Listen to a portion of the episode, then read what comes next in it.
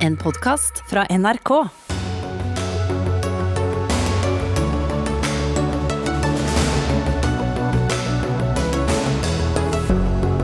Strømprisene i Sør-Norge er rekordhøye. Er det kraftkablene til Europa som har skylden? Senterpartiet mener det. Det er blitt 50 000 flere uføre under Erna Solbergs regjering, og de blir stadig yngre. Skal vi tro Arbeiderpartiet, er det Høyres ideologi som har skylden. Rødt vil bruke 300 millioner kroner på å kjøpe strandtomter. Det går fint an å sikre allemannsretten uten at staten skal blande seg inn, svarer Høyre. Kryptokunst kjøpes og selges mer og mer, noen ganger for millioner av kroner. Det store spørsmålet er er det kunst, og er den verdt å samle på? Direktørene for to store museer kommer til Dagsnytt 18. I dag med Hugo Fermariello i studio. Men først i Tyskland. Minst 48 mennesker er omkommet etter ekstremværet i Tyskland, men også i Belgia, og flere titalls mennesker er fortsatt meldt savnet. Kraftig regn og flom har ført til at hus har eh, rast sammen, to brannmenn har druknet, hundretusener av mennesker er uten strøm, og flere byer er isolert. Kristoffer Bach, du er på besøk hos familien i eh, hjembyen Linz am Rhein i Tyskland, rett ved Rhinen som da har rent over sine bredder. Hvordan ser det ut der du er? Ja, det er litt uh, amper stemning her, og alle er si, overrasket at det er en slags katastrofe som man aldri har opplevd uh, før. Spesielt siden 19 personer døde her i nabobyen Bad Neuenahr-Ahrweiler. Og um, Så langt er det veldig mye vann i Rhinen, og det var det allerede i begynnelsen av uken. Men i går på onsdag så kom det utrolig mye regn hele dagen, som førte til selvfølgelig at det var enda mer vann i Rhinen og også i A11. så jeg tror folk er litt overrasket at det skjedde så fort, faktisk. Du er jo vokst opp i, i Linz am Rhein. Hadde du ventet at det kunne, uh, kunne, bli sånn? Du har også da vært på tur ned til Bad Neunar, litt lenger ned, hvor, hvor minst 18 mennesker er omkommet? Uh, ja, jeg, jeg, så allerede da vi kom fra Norge at i år at det var som sagt veldig mye vann i Rhin all, allerede før dette skjedde. Uh, og Så var det også ganske mye regnvær uh, i begynnelsen av, av, uken som førte til at vannivået egentlig bare økte og økte. og Så kom dette uværet eh, på, på, onsdag. Eh, jeg hadde sett på min værvarslingsapp allerede på søndag og snakket med familie og venner og sa på onsdag er det varslet utrolig mye regn, og alle sa sånn nei, det kan ikke være sant osv. Men så kom det et offisielt eh, varsel på tirsdag i høyeste kategori, men da fortsatt med en sånn ganske vanlig formulering at det kommer bare mye regn. og Da tror jeg at folk kanskje ikke tok det så uh, alvorlig, uh, og så ja, ble alle litt overrasket at det faktisk kom så mye regn. For du husker flommer fra, fra da du var liten i, i Linz? Ja, vanligvis er det egentlig ofte rundt juletider f.eks., og det, det, vet man allerede. Men ak akkurat denne flommen nå ser ut pga. disse forskjellige faktorer som kommer sammen, at den, at den, blir enda verre, eller faktisk har allerede blitt uh, ja, ganske alvorlig. Ja, jeg minner om at minst 48 mennesker er altså bekreftet omkommet. Oddbjørn Bruland, professor i vassdragsteknikk ved NTNU. Hvordan kunne dette skje, og hvordan kunne det være at man ikke klarte å ta nok forholdsregler i et område hvor det, hvor, som vi hører det ofte er flom? Ja, Det er vanskelig å si hvordan det kan skje, for det, det skjer ikke så veldig ofte. Men eh, det er som man sier, ekstreme nedbørmengder. Jeg har vært inne og sett på eh, noen observasjoner. Jeg ser at ene stasjonen har jo vist 144 millimeter i går, og det er jo ganske mye. Og det er på en av de stasjonene. Og da har det nok lokalt regna veldig mye mer. Og eh, det er jo et område med litt topografi òg, og når det kommer opp i høgda, så blir det enda mer nedbør. Og den, den har, en, har ikke en observasjoner på, så det kan godt hende det har regna vesentlig mer enn det som er observert på de stasjonene her. Og da Spesielt i sånne bratte eller litt brattere sidevassdrag, da så eh, skjer det veldig fort. Da kan det komme ekstremt fort, sånn som vi har sett her i Norge òg enkelte episoder av. Og Da blir en gjerne overraska. I tillegg så er det jo sånn at det, eh, er vanskelig å varsle disse ekstremene. Det er, det er ytterpunkt i den forventningene en har, og da eh, vil en, er en litt forsiktig med å varsle de mest ekstreme utfallene. Og det er vel det som har skjedd her, og det har vi sett tidligere òg, at det kan være at de mest ekstreme utfallene slår det, og da, blir det ille. Var dere forberedt, Kristoffer Bach? Du sier altså dere er vant til flom. Varslene kom, men, men, har dere fått noe i løpet av dagen, noe, noe, noe, råd fra myndighetene om hvordan du skal forholde deg når du, når du er i Linz, altså bare kilometer unna der det har gått hardest for seg? Ja, det ble sendt ut et, eh, eller egentlig to varsel. Den første var mot eh, flom, at man burde oppsøke hvis man har mulighet eh, litt høyere områder og f.eks. ikke være i kjelleren, f.eks., som er også egentlig ganske standard. så det, Dette er folk vant til. Um, og så et, Etter dette skjedde, kom det også et varsel at man burde holde vinduene lukket, fordi det var en ganske dårlig lukt i hele området i luften fordi en slags oljetank hadde lekket pga. denne flommen. Men utover det har man ikke hørt mer. I hvert fall ikke før det skjedde. Oddbjørn Bruland, det store spørsmålet er er dette konsekvensen av, av klimaendringer? Er det som vi ofte hører at, at ekstremvær blir mer normalt? Det tror jeg vi kan forvente. og Vi ser òg eh, på statistikker her fra Norge, spesielt på, sånn på, på forsikringsstatistikker, at utbetalingene nå har nesten økt eksponentielt de siste ti åra.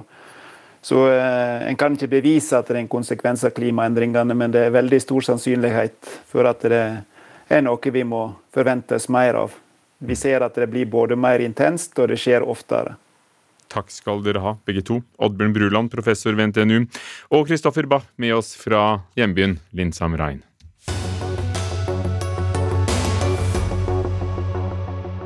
Og nettopp mellom, nettopp mellom, Tyskland og Norge åpnet vi en ny strømkabel i eh, mai i år, Nordlink.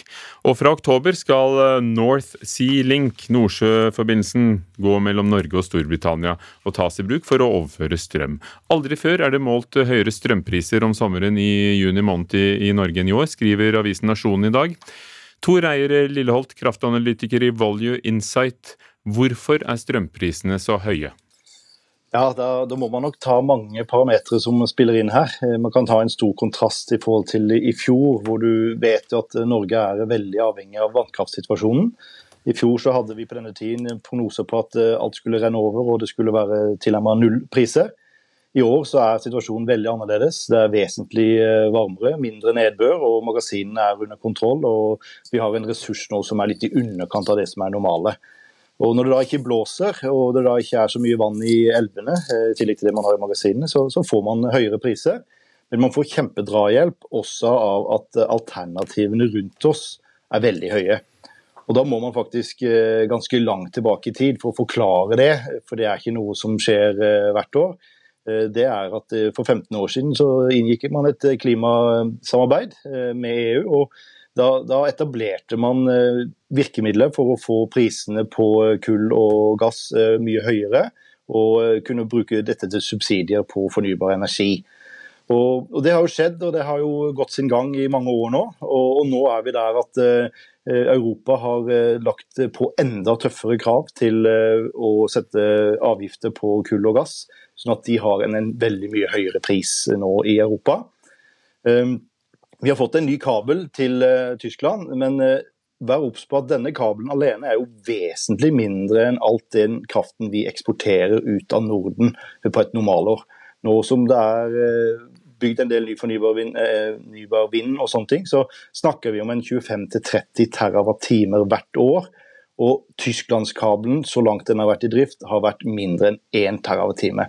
Så denne kabelen alene forklarer ikke stort uh, prishopp, men det at man har veldig dyre priser i Tyskland, vil jo selvfølgelig bidra til at dette er med. Så vannkraft og høye tyske priser er med å bidra. og bare obs på at prisen i, Nord-Norge er bare halve prisen av Sør-Norge også. Men uh, konkurrerer vi ikke med, Nord-Norge også? Hvorfor uh, ligger Sør-Norge mer på det tyske nivået enn på det nordnorske?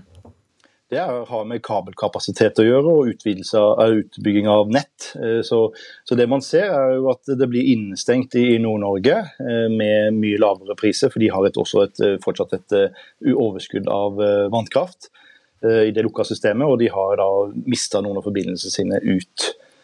Og så ser man det, det vil jo også være med å trekke opp prisene i Sør-Norge, for at de ikke får denne kraften fra Nord-Norge som de kanskje normalt sett får. Høye strømpriser det er jo til ergrelse for eh, mange forbrukere og noe av industrien, men, eh, men er, det, er, det, ikke noen som tjener på det? Ja, jeg kan jo sette, et, eh, sette det i perspektiv. Jeg pleier å sammenligne med oljebransjen, for jeg syns kraftbransjen ofte får litt unødig tyn for disse prisene. Klart Vi eksporterer priser til høyere priser, men oljebransjen de prøver å eksportere oljeprisen så høy som mulig, og man klapper seg på skulderen når man får mer penger inn i oljefondet. Men jeg vet jo at kraftbransjen starter opp et mye tidligere tidspunkt å bygge opp dette landet på avgifter, skatter og utbytte til offentlige myndigheter og ikke-kommunale selskaper. Så, så der er både ingeniørkompetanse og skatteinntekter som er vesentlige. Og husk at vannkraften i Norge den har en grunnrenteskatt på 33% som den hadde i 2020. Eh, så all kraft som er dyrere enn 15 øre, det betaler altså en tredjedel eh, inn i statskassa. Så, så vannkraft har en mye tøffere skattebelegg enn det vindkraft f.eks. har. Men vi har gjort en god jobb gjennom historien å, å binde mye av disse inntektene til eh, de offentlige inntektene. Takk skal du ha. Tor Einar Lilleholt, kraftanalytiker i Volue Insight. Sigbjørn Gjelsvik, stortingsrepresentant fra Senterpartiet. Du har sittet og hørt på. Nå klinger det med mynt i statskassen. Ja, det som er viktig for et land som Norge, altså både for folk og, og, næringsliv altså Noe av det som har vært avgjørende for at du har fått industrietableringer langs med kysten, er jo det at du har tilgang til kraft og til konkurransedyktige priser. sånn at når prisene går oppover, så er det altså en snakker kanskje om... Men kraften er jo også en industri, og, og, og når det er høye priser, så gir den overskudd i form av avgiftsbelastning og inntekter. Både de som driver dem og til, til staten og kommunene. Kraftselskapene har tjent gode penger de siste årene, men vi kan ikke prise oss ut. altså Kraftkrevende industri eh, konkurrerer på et eh, internasjonalt eh, marked. En skal huske at bare ett øre ekstra på kraftprisen for dem utgjør kanskje 400 millioner kroner i året. I tillegg så er jo effekten for vanlige privathusholdninger òg. Altså går strømprisen opp med eh, la oss si tre øre, da, som er anslaget til, eh, til NVE og, eh, og, Statnett omtrent på effekten av de nye utenlandskablene som kommer nå, så er det snakk om en 700 kroner i, i, året for en familie. Og For en del familier så er det en, en ekstraregning som ikke er bare enkel å bære. Så hva vil du gjøre med det? Du nevner disse kablene i Nasjonen i dag. Ja, og nå må vi i hvert fall være tydelige på for først å erkjenne at slike utenlandskabler nå altså I tidligere tider så hadde vi en annen situasjon. Det var viktig å ut, ha en forsyningssikkerhet og utveksling. Men det som nå skjer, er jo at vi har jo mer enn nok kapasitet til å utveksle mellom land. Nå blir det rene eksportkabler som er bygd, og derfor så må vi si nei til nye utenlandskabler. Jeg er overraska over de signalene som nå kommer fra Arbeiderpartiet, der de ikke erkjenner Vi skal snart få med Arbeiderpartiet. Ja, Men nå hørte vi hvor lite den tysklandskabelen har å si da for eksporten og prisen?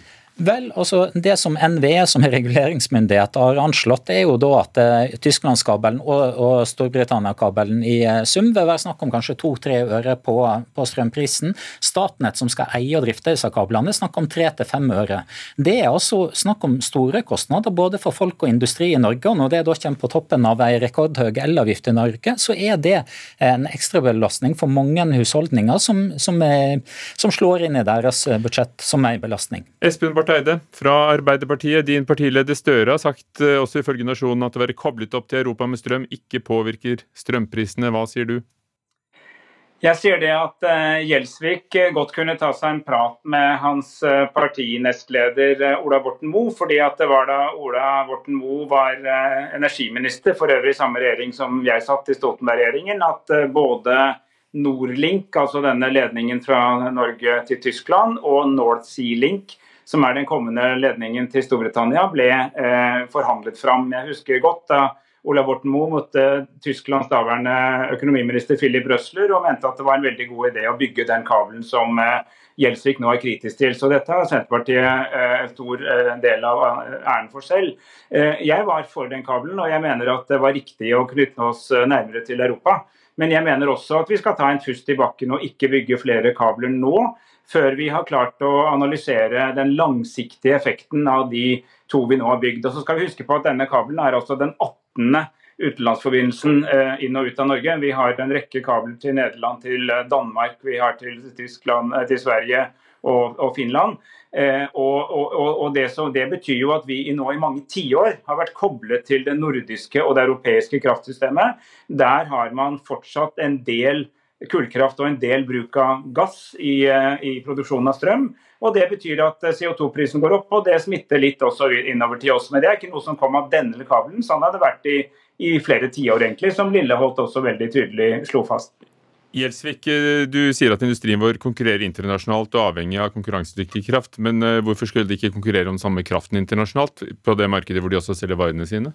Hvorfor skal de ha fordeler av kraften, men ikke når de selger varene? Det har jo nettopp vært en av de store konkurransefortrinnene som har gjort at du har fått industrietableringer rundt forbi langs kysten i hele Norge, er jo nettopp at du har tilgang til rikelige mengder med kraft til konkurransedyktig pris. På mange andre områder så er jo ikke Norge konkurransedyktig med å ha etableringer på kontinentet, men nettopp når det gjelder tilgang til energi, så har det vært en konkurransefordel. Og da må vi ta vare på den konkurransefordelen. Ellers så må jeg jo si at eh, Espen Barth Eide har en ganske selektiv historiefortelling. Altså når Ola Borten Moe var energiminister, så sørga han altså for, for, å stoppe tre utenlandsforbindelser. Både NorthConnect-kabelen, som var mye diskusjon om i ettertid, og som Høyre og Frp gjenoppliva, men òg forbindelser til, til, Sverige og til, til Russland. Og når gjelder... NorthConnect handler jo også om eierskap, om det skal være privat eller, ja, eller Statkraft som driver det. Og det var jo òg en av de tingene som Ola Borten Moe sørga for, nemlig at en endra energilova, sånn at det var kun Statnett som kan eie og drifte. Nå har en fortsatt ei energilov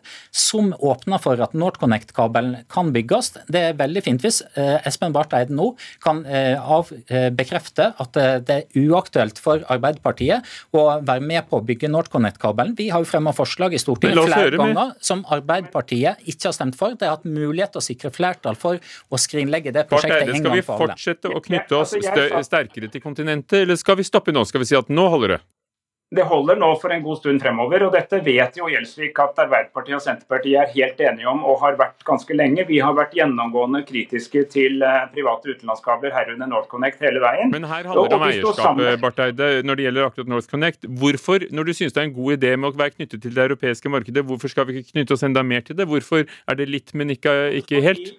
Jo, nei, men det, det, er det veldig lett å svare på. fordi at det, den det omfanget vi har nå, det har netto vært gunstig for oss. Vi importerer billig kraft, bl.a. fra Danmark, til tider også fra Tyskland og Nederland når de har overskudd på f.eks. mye vindkraft og det blåser mye. Da kjøper vi billig. Og så kan vi selge tilbake dyrere når vi har magasinert vannkraft og vi har overskudd. Det er en god deal for Norge. Men hvis vi har for mange kabler, før vi har høstet erfaringene av de vi allerede har bygd, så er det feil. Så Jeg vet ikke helt hva Gjelsvik mener at vi er uenige om, for jeg mener at nå bør vi ta en pust i bakken. Vi, vi, vi skal analysere de to Ola Borten Moe-kablene som nå har kommet, altså både den til Tyskland og den som kommer til Storbritannia. og som jeg understreker, Vi var helt enige i regjeringen, både om det vi sa nei til og ja til i Stoltenberg-regjeringen. Og så skal vi se hva dette betyr på sikt. Men nå tror jeg vi må ta en pust i bakken, for uh, vår tid til å lufte strømkabelproblematikken er over. Takk til dere begge to. Sigbjørn Gjelsvik fra Senterpartiet, Espen Barth Eide. Dere kan jo ja, kanskje ende opp i regjering sammen, og da får vi se hvordan det blir.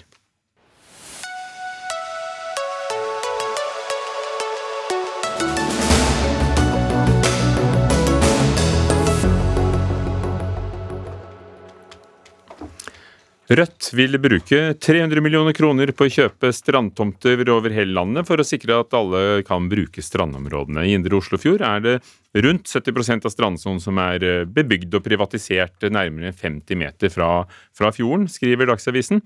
Allemannsretten skal sikre at alle likevel kan bruke strandområdene. Men så finnes det eksempler på at eierne setter opp gjerder og skilt og gjør det vanskelig for folk å ferdes der. Seher Aydar, Rødts andre kandidat i Oslo ved stortingsvalget nå til høsten. Hvordan vil du bruke 300 millioner kroner? Altså Det ligger et, et hus med strandtomt til salgs i Oslo for 70 millioner nå, så du får jo ikke så mye strand. Vi vil jo at kommunene skal ha muligheten til å bruke de pengene på å kjøpe opp der det blir lagt ut for salg. Eh, og det er jo helt riktig at det er blitt ganske dyrt, og jo dyrere det blir, jo viktigere er det faktisk at vi eh, bremser den eh, utviklingen som er nå, der mer og mer av strandsonen privatiseres og bygges ned. Det går jo utover alle oss som trenger og ønsker å bruke stranda. Så det er det ene at vi må bremse og stoppe, stoppe opp og ikke privatisere mer. Det andre er at de pengene kan brukes opp eh, brukes når det legges ut eh, på salg. Eh, og så er det jo sånn at eh, der det er ulovlig satt opp med Uh, Utbygging, uh, skilting. Uh, det må jo faktisk kommunen sette ned foten for. Få juridisk hjelp til å si dette her har du ikke lov til. Men det skal jo kommunen gjøre. Ja, og det må de ha juridisk hjelp til, fordi kommunene har faktisk ikke så sterke muskler. Hvis du er veldig rik, har god til og råd til stjerneadvokater, så er det ikke sikkert kommunen klarer å faktisk stå opp mot. da. Ove Trellevik fra Høyre på Stortinget, hvorfor vil ikke dere også gå med på dette forslaget om å kjøpe opp strandområder og, sette av f.eks. 300 millioner, for dere har satt av 30 millioner til det, og det får du ikke mange meterne for? Nei, det er vel mest til uh, drift av, uh, av uh, friluftsområdene. Frilufts, ja, det går til. Men det er jo slik at uh, vi per i dag uh, har kjøpt opp ca. 2000 og sikra 2000 uh, om, områder til, til fritidsbruk langs, langs strandsonen vår i Norge. Og det er friluftsloven, da, i tillegg til plan- og bygningsloven, som sikrer oss de rettighetene som vi har. Friluftsloven den eh, sikrer oss ferdselsretten, det som Rødt er inne på her. At vi skal ha fri tilgang til å bevege oss langs strandsonen som, som enkeltpersoner. Eh, og Der er det utrolig viktig at eh, kommunene følger opp arealbruken eh, og plan- og bygningsloven og kommuneplanene sine og sikrer allmennheten tilgang til strandsonen. Det er de to viktigste grepene vi har. Det At vi skal bruke statlige penger på dette utover de driftsmidlene som vi bevilger i dag, det er jeg litt sånn skeptisk til. Vi ønsker jo å bruke pengene våre på å få ned helsekøene, vi ønsker bedre skoler og vi ønsker bedre veier det at eh, vi nå skal gjøre oss så Rødt vil her, og det å frata kommunene det kommunale eh, selvstyret, og sjøl på en måte stå til ansvar for å, å, å, peke ut de arealene som de ønsker at eh, allmennheten skal ha tilgang til. Og å kjøpe opp høre... private eiendommer med, med, statlige penger, det er ingen god løsning. Så Trellevik, en oppgave for kommunen. Hva sier du, Eidar? Ja, Her er det jo kommunene som må få bruke pengene som de eh, ønsker. Altså de, for eksempel, da, Hvis et område selges ut for salg, så er det kommunen som bestemmer om de vil kjøpe det eller ikke. Så, så du tenker ikke ha, ekspropriasjon? Uh, nei, jeg tenker at når det legges ut for salg, sånn som f.eks. i ferder i Vestfold, er det nå Forsvarsbygg har lagt ut noen bygg for salg. Da kan de få muligheten til å bruke de pengene på å kjøpe det opp, sånn at det kan være for fellesskapets bruk. Men så trenger de det? Hvis, hvis uh, allemannsretten gjør at du kan ferdes i strandsonen uansett? Nå er jo problemet en tredjedeler av kystlinja vår det er privatisert. Det er ganske mye. Og det er en økning. F.eks. i Oslofjorden så er det sånn at 85 eh, av de som søker om dispensasjon, de får det. Det er litt sånn som det er i samfunnet vårt. at De rikeste de kan peke på hva de vil, og så får de det nesten uansett. Mens det blir mindre til resten av oss. Altså, eh, Jeg tror ikke jeg er den eneste som eh, ville holdt tilbake hvis jeg så et skilt da, som var privat eiendom, eller noen hadde lagt ut noe altså, benker eller blomsterkasser. Da ville jeg holdt meg tilbake. Og det er det folk gjør. Sånn at det er jo privatisering som går på bekostning av at jeg og du kan ferdes Trellevik. Det er 40 000 km med strandlinje i Norge. En tredjedel av den strandlinja er ikke bygd ut. Og det er over 2000 eh, friluftsområder i, i, langs kysten vår som er tilgjengelig for folk flest. Det er rikelig med plass langs kysten, men jeg er helt enig i at eh, enkelte plasser innerst i Oslofjorden er det trangt om plassen.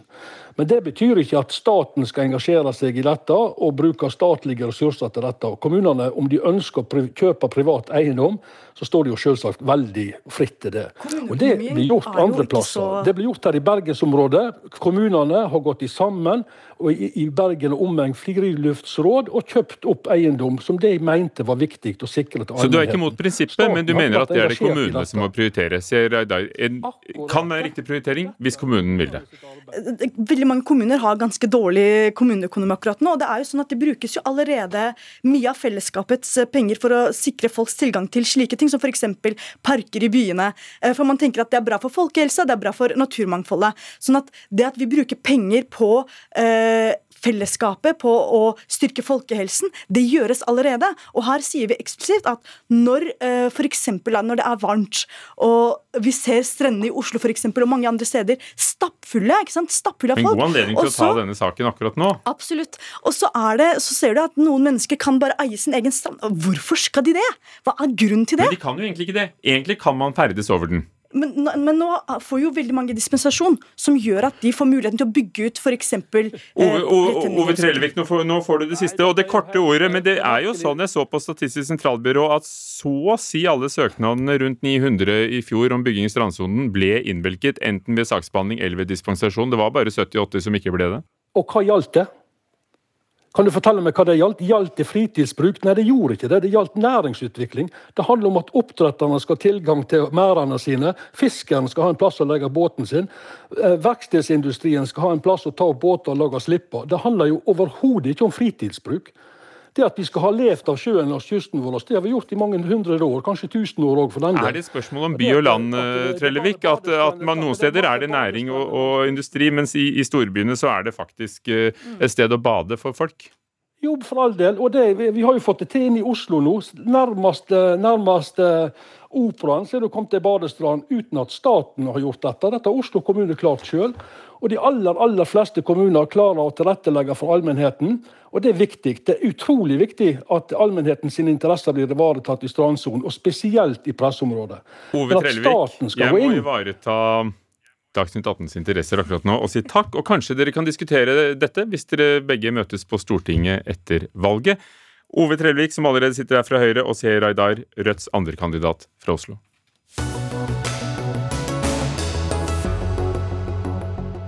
I 2013 hadde statsminister Erna Solberg mål om at vi skulle bli færre uføre, og flere som var uføre, men i delvis arbeid. Og siden den gang har antallet uføre skutt i været. 10% av befolkningen i arbeidsfør alder er uføre nå, og andelen øker mest blant unge. Vi snakker om 50 000 mennesker til sammen.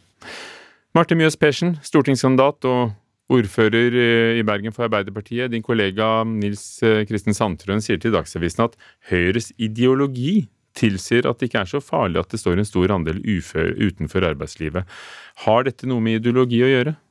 Men Det viktigste her er jo at Høyre sin politikk rett og slett ikke virker. Eh, helt siden Høyre kom til makten i 2013, så har tallene økt gradvis hvert år til et ganske historisk høyt tall med andel uføre, både unge uføre og ellers.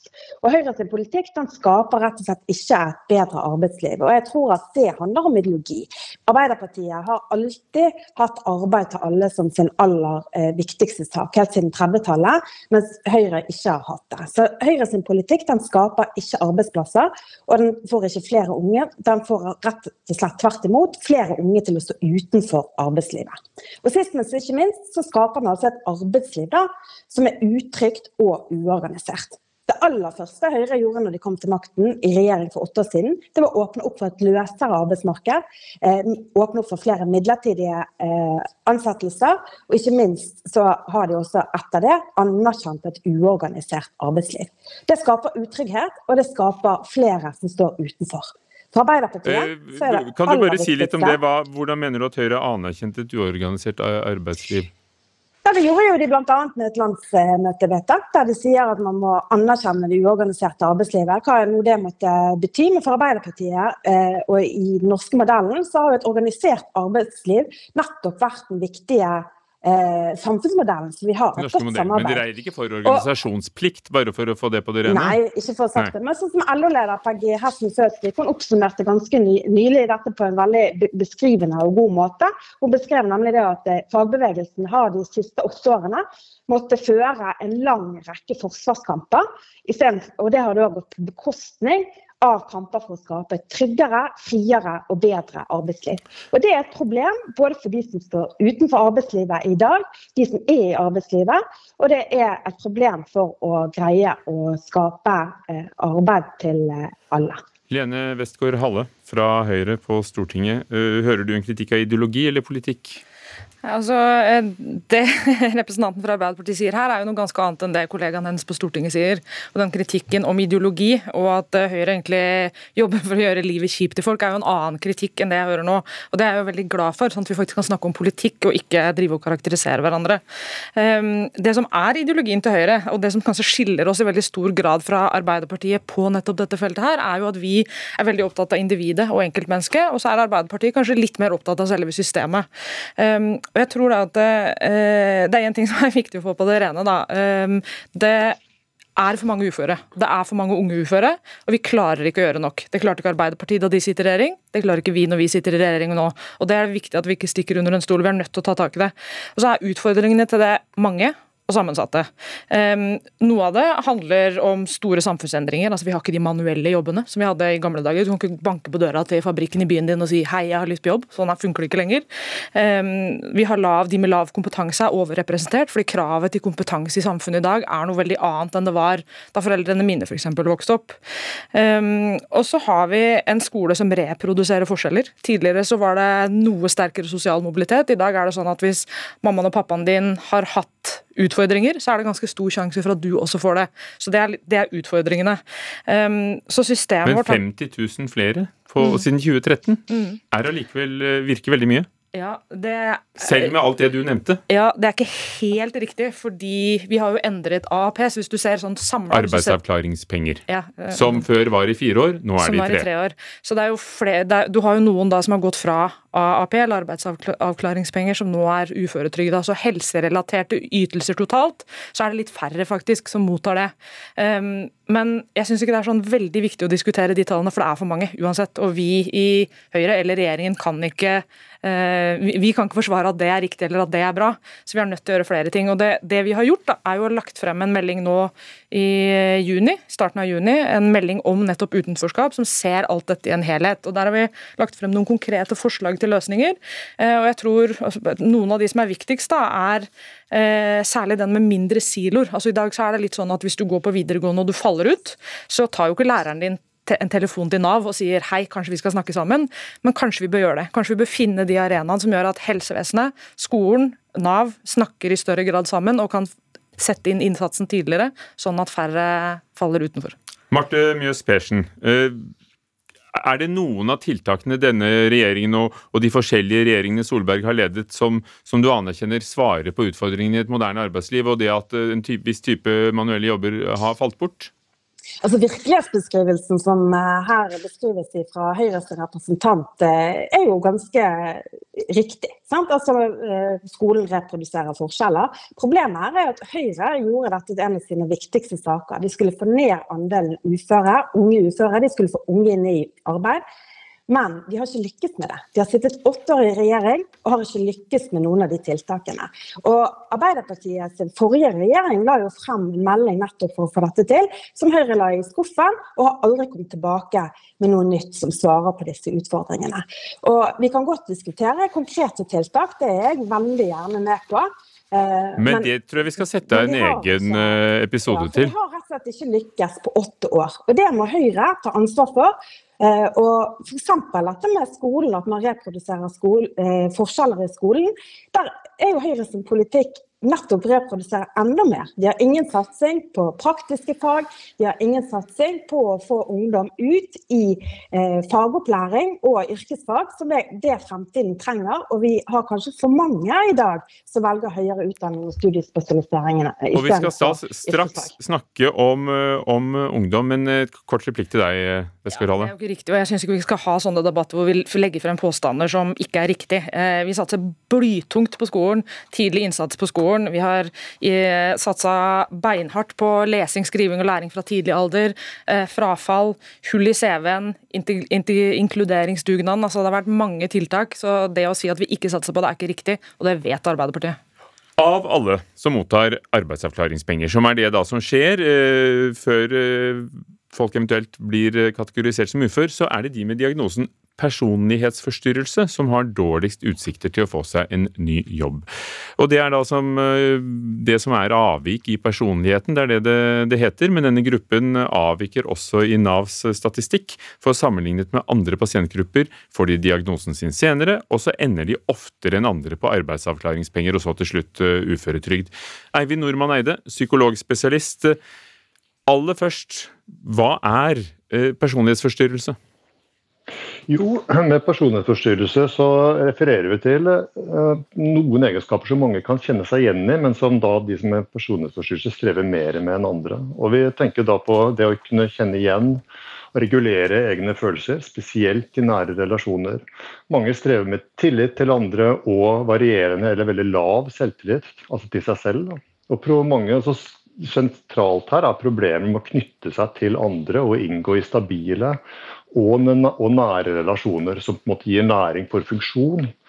Så det handler altså om problemer forbundet med seg selv og andre, som igjen påvirker arbeidsfunksjon, tenker vi jo i veldig stor grad. Da. Og så sier du til eh, forskning.no at eh, det er helt tilfeldig om eh, du får hjelp hvis du lider av personlighetsforstyrrelse. Hvordan kan det ha seg? Ja, den overskriften er kanskje litt tabloid, men det jeg mener med det er at eh, behandlingstilbudet i Norge varierer veldig stor grad med tanke på hvilken kompetanse som eksisterer rundt på de ulike behandlingssentrene. Akkurat nå så befinner jeg meg ved Helgelandskysten, eh, og jeg har de senere årene samarbeidet og veiledet terapeuter knyttet til terapeututvikling og innenfor virksomme behandlingsmodeller når det kommer til personlighetsforstyrrelser. Og det vi ser er at Behandlingssentre som satser på denne gruppen, som satser på behandlerne sin egen kompetanse og utvikling av denne i forhold til når det kommer til, eh, til virksomme behandlingsmodeller, og som legger til rette for at man får eh, utvikla team, hvor man samarbeider. Altså, dette er ikke noe terapi man gjør alene, for det er komplisert psykoterapeutisk arbeid. Og hvor man også får rammer for terapi som varer over tid, og som kan en måte, ha en viss grad av intensitet i møte med pasientene. Og som kommer i gang så tidlig som mulig. så får pasientene bedre behandling. Og dette varierer dessverre i veldig stor grad og Dermed så blir det litt tilfeldig hvor man er født og hvor man bor, i forhold til om man får den behandlingen som trengs. Da. Det er mange tilfeldigheter i livet. Eddie Eidsvåg, pøbelideolog, mannen bak Pøbelprosjektet, som er blitt ganske kjent etter hvert, som hjelper mennesker med, med nettopp da hull i CV-en tilbake til arbeidslivet. Hva, hva, er utfordringen eh, du møter da, hvis du søker på en jobb og har et hull i CV-en?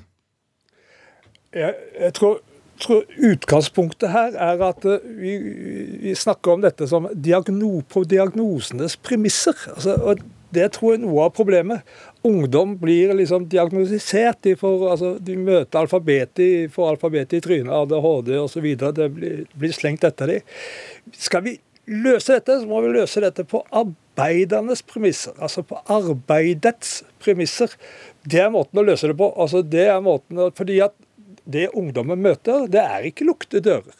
Det er går an, som hun fra Bergen sa at det ikke gikk an lenger. Altså Det går an å gå og banke på dører og få jobb. Det går an å gjøre, men man må, man må, man må bli sett. Man blir sett som det er, og som Norman Eide sa, der man har gode behandlinger, altså gode terapeuter som jobber med dette med, med personlighetsforstyrrelser, der får man resultater. Og det, det, er noe det samme når det gjelder ungdom og arbeid. altså Det blir for lett å sette diagnosen på at de blir for syke. Jeg tror ikke det er 50 000 ungdommer som er syk, for syke til å jobbe. Jeg tror at eh, man har sykeliggjøre arbeidslivet ved å si at dette er sykt, dette er friskt. Altså, poenget er at er du syk, så går du til lege, eller har du vondt i kjeften, så går du til tannlege. Og når du kommer på jobb, så la jobben være fristed. Her Jobben skal være fristed, men det må være på arbeidets premisser. Og der, der tror jeg vi har løsningen. Fordi at arbeid fins. Og vi har en lekkasje på humankapitalen vår på over 30% i Norge. Når vi hadde finanskrisen, oljekrisen, så, var, så røykte milliarder ut for å løse dette med arbeidsledighet. Når det er ungdom nå, og særlig etter koronasituasjonen, så er det ingen som stiller opp, bortsett fra flotte ord nå i valgkampen. Man må kanskje... stille opp med kapital og stille opp med å få disse jobbene. For jobbene fins, og det er muligheter for det. Og, og ungdommen er god nok til å jobbe. Med denne ganske optimistiske konklusjonen så sier vi takk til dere alle. Eddie Eidsvåg, Pøbelideolog, som du kaller deg. Eivind Nordmann Våge, psykologspesialist. Lene Westergård Halle fra Høyre og Marte Mjøs Persen fra Arbeiderpartiet.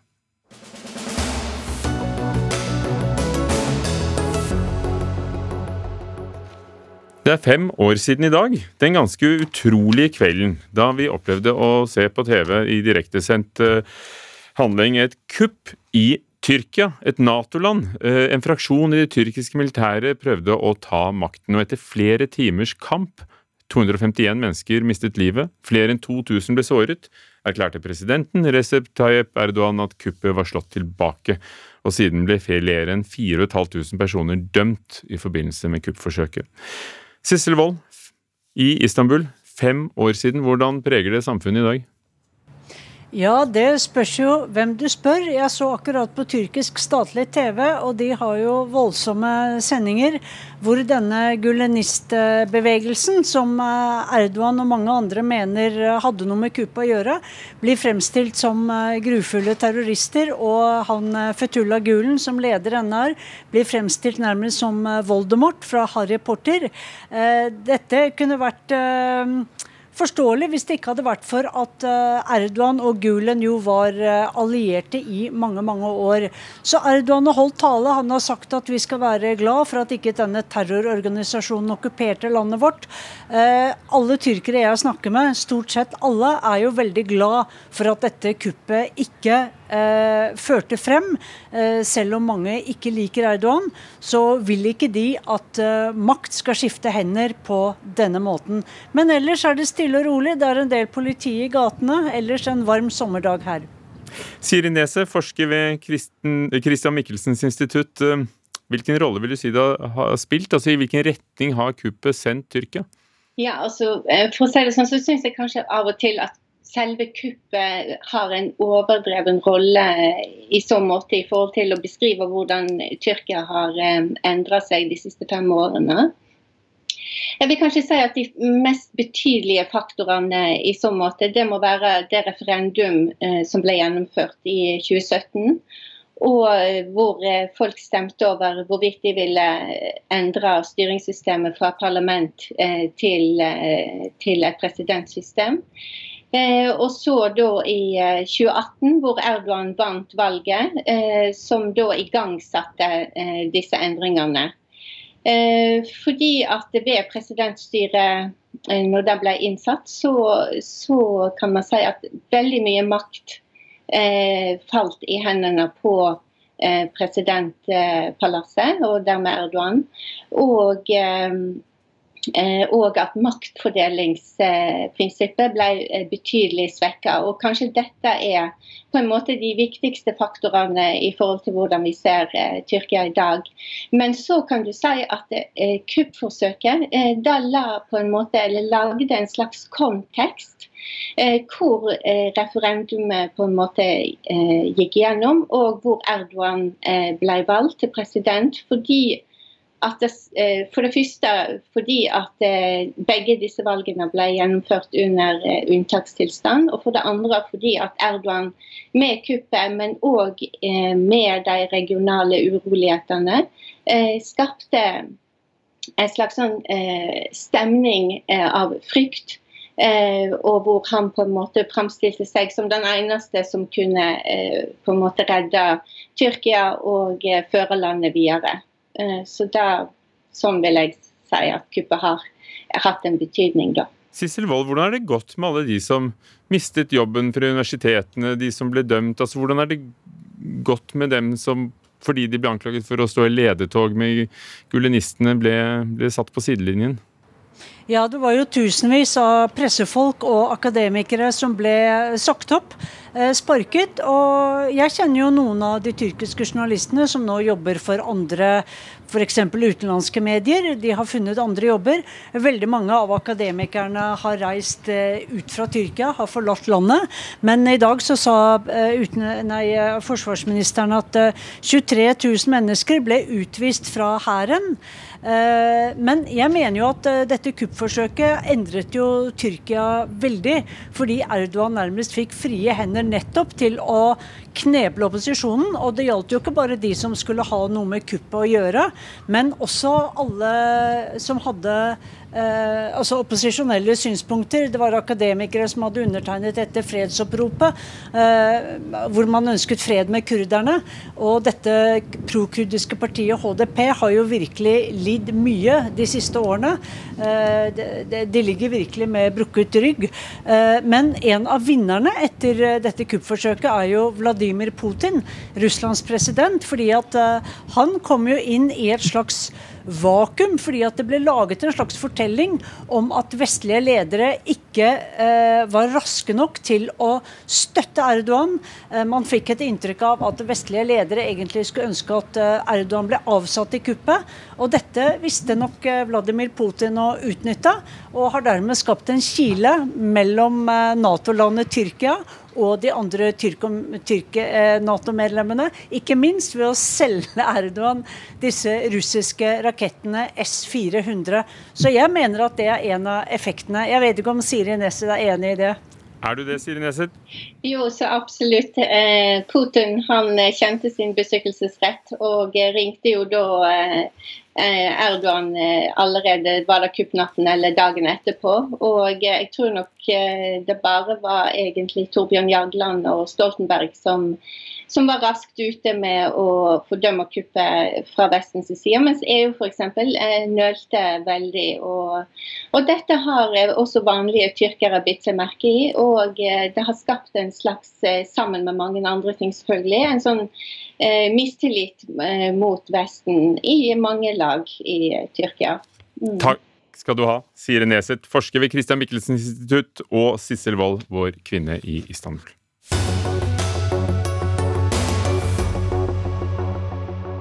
selges. Kryptokunst selges for eh, noen ganger millioner av kroner, som det skjedde på Christies i begynnelsen av måneden, eller for noen tusener på gallerier også i Norge. Altså kunst som er eh, digital, og så kan du kjøpe en NFT, non-fungible token, som er et eh, bevis på at du eier verket, men alle kan se det helt identisk på sine egne maskiner. Men du eier det, for du har betalt masse penger, eller mindre penger, for denne, dette beviset som er laget med samme teknologi som kryptovaluta, altså blokkjede. Dette er blitt uh, en handelsvære, en investering, men er det kunst, som vi hørte i Kulturnytt i Nyhetsmorgen i dag? Norske museer er uenige om det er noe å samle på. Petter Snare, Akkurat nå har du stukket av fra åpningen av den eh, nye utstillingen med mesterverk av Paul Cézanne på Kodemuseene i eh, Bergen. Om 100 år vil Kodemuseene kunne åpne en utstilling med mesterverk av kryptokunst? Eh, det er jeg usikker på. Jeg tror kanskje ikke dette er noe som kunstmuseer skal samle på. At det er, marked, altså det er noe museer andre museer skal samle på, muligens. Men at denne signeringsmetoden, som jeg oppfatter det som, av et verk, i seg selv skal gjøre det til kunst, det er jeg litt usikker på. Ja, Hva er forskjellen på et verk av, av Paul Cézanne, som du nå har fått lånt inn fra London og hele verden, og, og f.eks. noe som da du har et bevis på, selv om det er digitalt på at du har kjøpt? Jeg tenker at I denne sammenhengen så er det spørsmål hva er kunsten? Er det det bildet på dataskjermen, eller er det signaturen? For meg så er jo det visuelle det som er kunstobjektet. Hvordan man bekrefter eierskap, blir i denne sammenhengen synes jeg, mer eller mindre uinteressant. Men som kunstmuseum så skal vi jo selvfølgelig vise den kunsten som er aktuell og fanger opp strømninger i tiden. Jeg er bare ikke sikker på om dette er det som faktisk kan klassifiseres som kunst. Tone Hansen, direktør på Henny Jonstad kunstsenter i Bærum. Eh, kunstsenteret var tidlig ute på 60- og 70-tallet med elektronisk kunst og, og, musikk. og Er kryptokunst noe, noe, du allerede vil sikre deg? Det skal vi absolutt uh, diskutere på Henny Jonstad, ingen tvil om det. Vi er Eh, som du sa, også et sted for den eksperimentelle kunsten. Og kunst har alltid tatt i bruk teknologi når den har vært tilgjengelig for kunstnerne. Og vi ser jo nå en helt ny generasjon eh, aktører innenfor det visuelle feltet, også kunstfeltet, som kommer fra spill og andre typer teknologiske plattformer enn den tradisjonelle kunsten. Eh, og de kommer til å påvirke hvordan vi opplever den visuelle kulturen, og da vil de også ha betydning for hvordan vi opplever Eh, kunst i museet for fremtiden. Og jeg tror at vi går glipp av en kjempemulighet hvis ikke vi setter oss inn i og forstår de mekanismene som ligger både bak eierskap og produksjon, men også hva de forteller og hva de gjør eh, overfor sitt publikum. Eh, det er jo ikke sikkert at Kunstmuseet skal vise det i selve museumsbygningen. Altså, vi er så vant til å tenke et museum som en sånn fysisk kasse hvor ting oppbevares. Det kan jo like gjerne være at dette her er et verk som skal vises digitalt på nett på skjerm som gjør at eh, Eller som du kan se det der du er til enhver tid, at det hører hjemme i den sfæren. Og jeg tror at museet også må nødt til å forandre seg og forstå at eh, det digitale rommet er en del av det rommet vi beveger oss i til dagligdags nå, og vi er nødt til å bruke det også som en del av vårt utstillingsrom. Og vi må bruke det til å vise den kunsten som faktisk hører hjemme der. Og da har vi så mye å lære av en helt ny generasjon eh, teknokrater og ingeniører og kunstnere som kommer med disse tingene her. Vi har arrangert men, men, la, oss, la oss høre. Du, spar på konfekten, Tone. Petter Snarre. Jeg er helt enig med Tone at vi skal samle på digitale uttrykksformer og nye uttrykksformer, men det har vi jo gjort i mange mange år, så det, det er jo ikke noe nytt. Vi har jo holdt på med både video og, og digital kunst, og, og, viser jo kunsten både på nett og, og uh, på museer, så, så, det er det jo ikke noe uenighet om. Spørsmålet er om, om denne kryptokunsten eller denne måten å identifisere verkene på i seg selv eh, gjør det til at det har, en, har verkshøyde. Uh, ja, Hva er det å ha verkshøyde? Altså Det pissoaret som nå står på Pompidou-senteret i Paris, det, det, var ikke mange som mente de hadde verkshøyde da det, det ble stilt ut? Nei, men det fikk de jo etter hvert, og det må vi jo teste ut. Men, uh, og Det kan jo godt hende at vi, vi, bare registrerer at ok, her tok vi feil, dette skulle vi ha samlet på, eller her tok vi rett og, uh, og sier at vi må tenke at det er, det er ikke noe nødvendigvis vi trenger å, å ta vare på nå. Ingen museer kan samle på alt. Eh, så får man bestemme seg litt for hvordan man velger å gjøre det, og ta sine beslutninger eh, underveis. Men jeg tenker at for vår del så trenger ikke vi alltid å ligge i forkant med alt. Vi kan lene oss litt tilbake og, og, og se hva som utvikler seg, og hva som er interessant. Samtidig som vi selvfølgelig skal være en del av, av samtidskunsten. Og Vi skal støtte den, og vi skal, vi skal jobbe sammen og med, eh, med, samtidsfeltet for å kjøpe relevant og, og, riktig kunst og ha det på museene. Og Tone Hansen, det er jo det med denne kunsten at uh, om du så ikke betaler for den NFT-en i kryptovalutakoden, så, så er det jo sånn at du kan vise akkurat det samme verket? Ja, men det er jo også sånn at en NFT kan faktisk hjelpe oss å gjøre at vi sikrer at verkene har en originalitet. da. Henny Jonstad kjøper også verk av performancekunstnere hvor du bare kjøper en oppskrift og en rett til å oppføre noen ting, gitt at kunstneren på et tidspunkt sier ja til å vise det på nytt. Eh, og da kan en sånn eh, NFT-kode være med på å sikre at eh, at eh, originaliteten i det skriptet du kjøper. I tillegg så finnes det en hel verden der ute av koding og, dekoding og kryptering og avkryptering, som er spill i seg sjøl. Men er det kunst? Eh, mellom, ja, hvorfor ikke? Jeg skal i hvert fall ikke være den som sitter og sier at dette er kunst og dette er ikke kunst. Det tror jeg er ganske irrelevant uh, i vår tid. Det skal ikke du være det når, når, du er ja, kunstner selv for så vidt, men også direktør på et kunstsenter? Mm. Jeg mener at vi skal være der eh, i samtiden og ta risiko sammen med kunsten og de kunstnerne som tar risiko for å lage gode historier. Lars, eh, eh, Lars eh, Det finnes jo kunstnere som eh, Lars Holdhus f.eks. Som, eh, som vi har jobba med, med å lage kurs for ungdommer innenfor akkurat dette her, har en veldig kritisk holdning til både økonomien og hele teknologien bak. Og den må vi også være med på å undervise i og også kjøpe og investere verk i de kunstnerne som tar risikoen med å gå inn i dette her med en kritisk holdning. Tone Hansen, takk skal du ha. Petter Snare, du skal tilbake til eh, Cézanne, mesterverk fra The Courthold, som åpner på kode i kveld. Men noe må det da være med kryptokunst, når folk eh, betaler millioner av kroner for det på auksjoner? Eh, det er det helt sikkert, men om det er nyhetsverdien eller om det er den kunstneriske verdien, er jeg litt usikker på. Takk skal dere ha, begge to.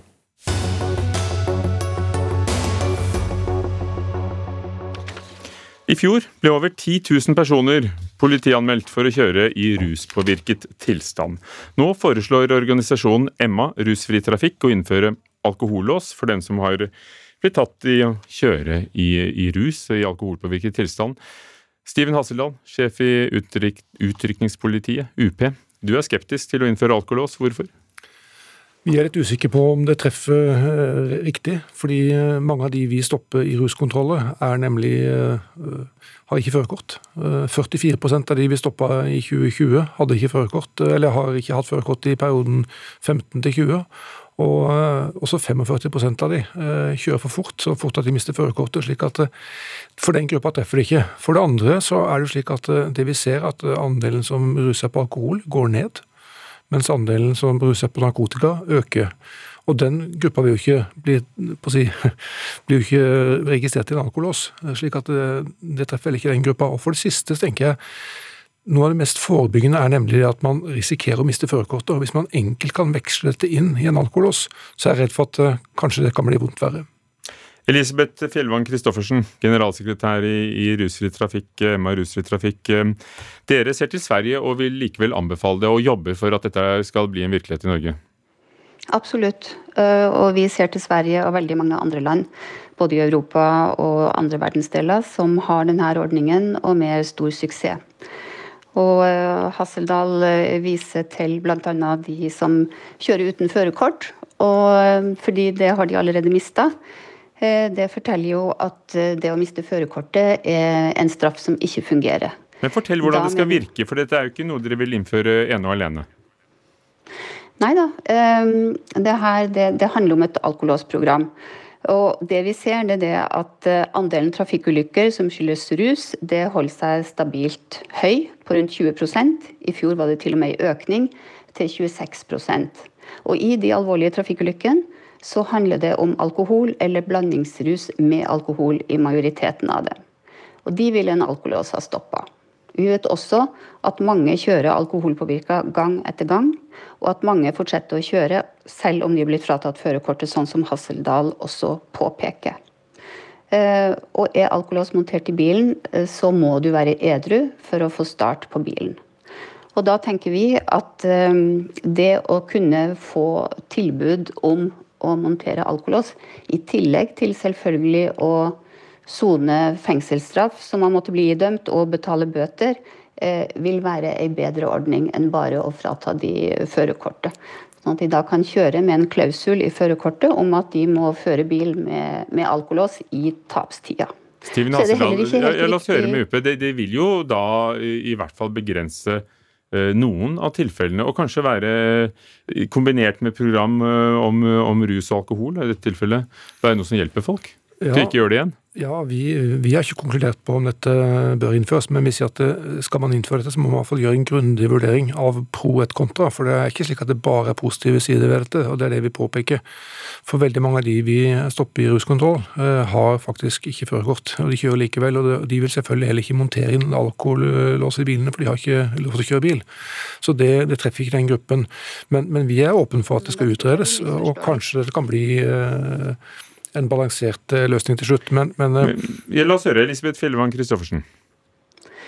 Eh, jo, altså de som blir fratatt førerkortet fordi de har kjørt med promille. Mange av dem fortsetter å kjøre fordi de har et alkoholproblem og de er avhengig av bil. Nettopp den gruppen ville et alkolåsprogram kunne hjelpe. Det viser dybdeundersøkelser som er gjort i Sverige bl.a. Og det er ikke sånn at de blir pådytta en alkolås. Eh, her må de bli informert om muligheten og søke sjøl. Eh, og så vil de bli gjenstand for en vurdering om de er egnet til å ha en alkolås. Så må de også følge et, eh, et program mot ruspåvirka kjøring, og de må levere urinprøver. Sånn fungerer det i Sverige. Det er heller ikke riktig at andelen narkotika og medikamenter øker i normal veitrafikk. Eh, veikantundersøkelser viser tvert imot at den går ned, mens eh, eh, alkoholandelen holder seg stabil, og har holdt seg stabil de siste ti årene. Men Hasseldal, hvilke tiltak foreslår dere? Jeg tror noe av det viktigste er at folk ikke vet hvor politiet står. At det er en oppdagelsesrisiko. For da vil man i større grad avstå fra å kjøre. Så jeg ville foreslå heller å innføre forbud mot f.eks. disse varslingstjenestene som eh, nå verserer i stort monn, hvor man kan registrere seg og man får beskjed om hvor kontrollen er. Jeg tenker den type tiltak eh, vil være mer effektive, for vi vet jo at det mest effektive er kontroll. Og hvis man vet hvor kontrollen er, så har det ingen effekt. Så jeg tenker innføring av forbud mot disse varslingstjenestene vil være et bedre tiltak. Mm, eh, der er vi helt enige Hasseldal, og, og, der gjør jo vi også en innsats, og det, det vet du sikkert. Uh, Men jeg tror det, vi må la det bli med den enigheten, ja, dere. For nå har vi snakket om alkolås for og imot. Takk skal dere ha. Elisabeth Fjellvann Christoffersen, generalsekretær i Emma rusfri trafikk. Steven Hasseldal, sjef i UP, Utrykningspolitiet. Det var Dagsnytt 18 for i dag. Eli Kirkebø var teknisk ansvarlig. Sofie Lork Falk ansvarlig for det hele. Ugo Fermarello, programleder. Takk for oss.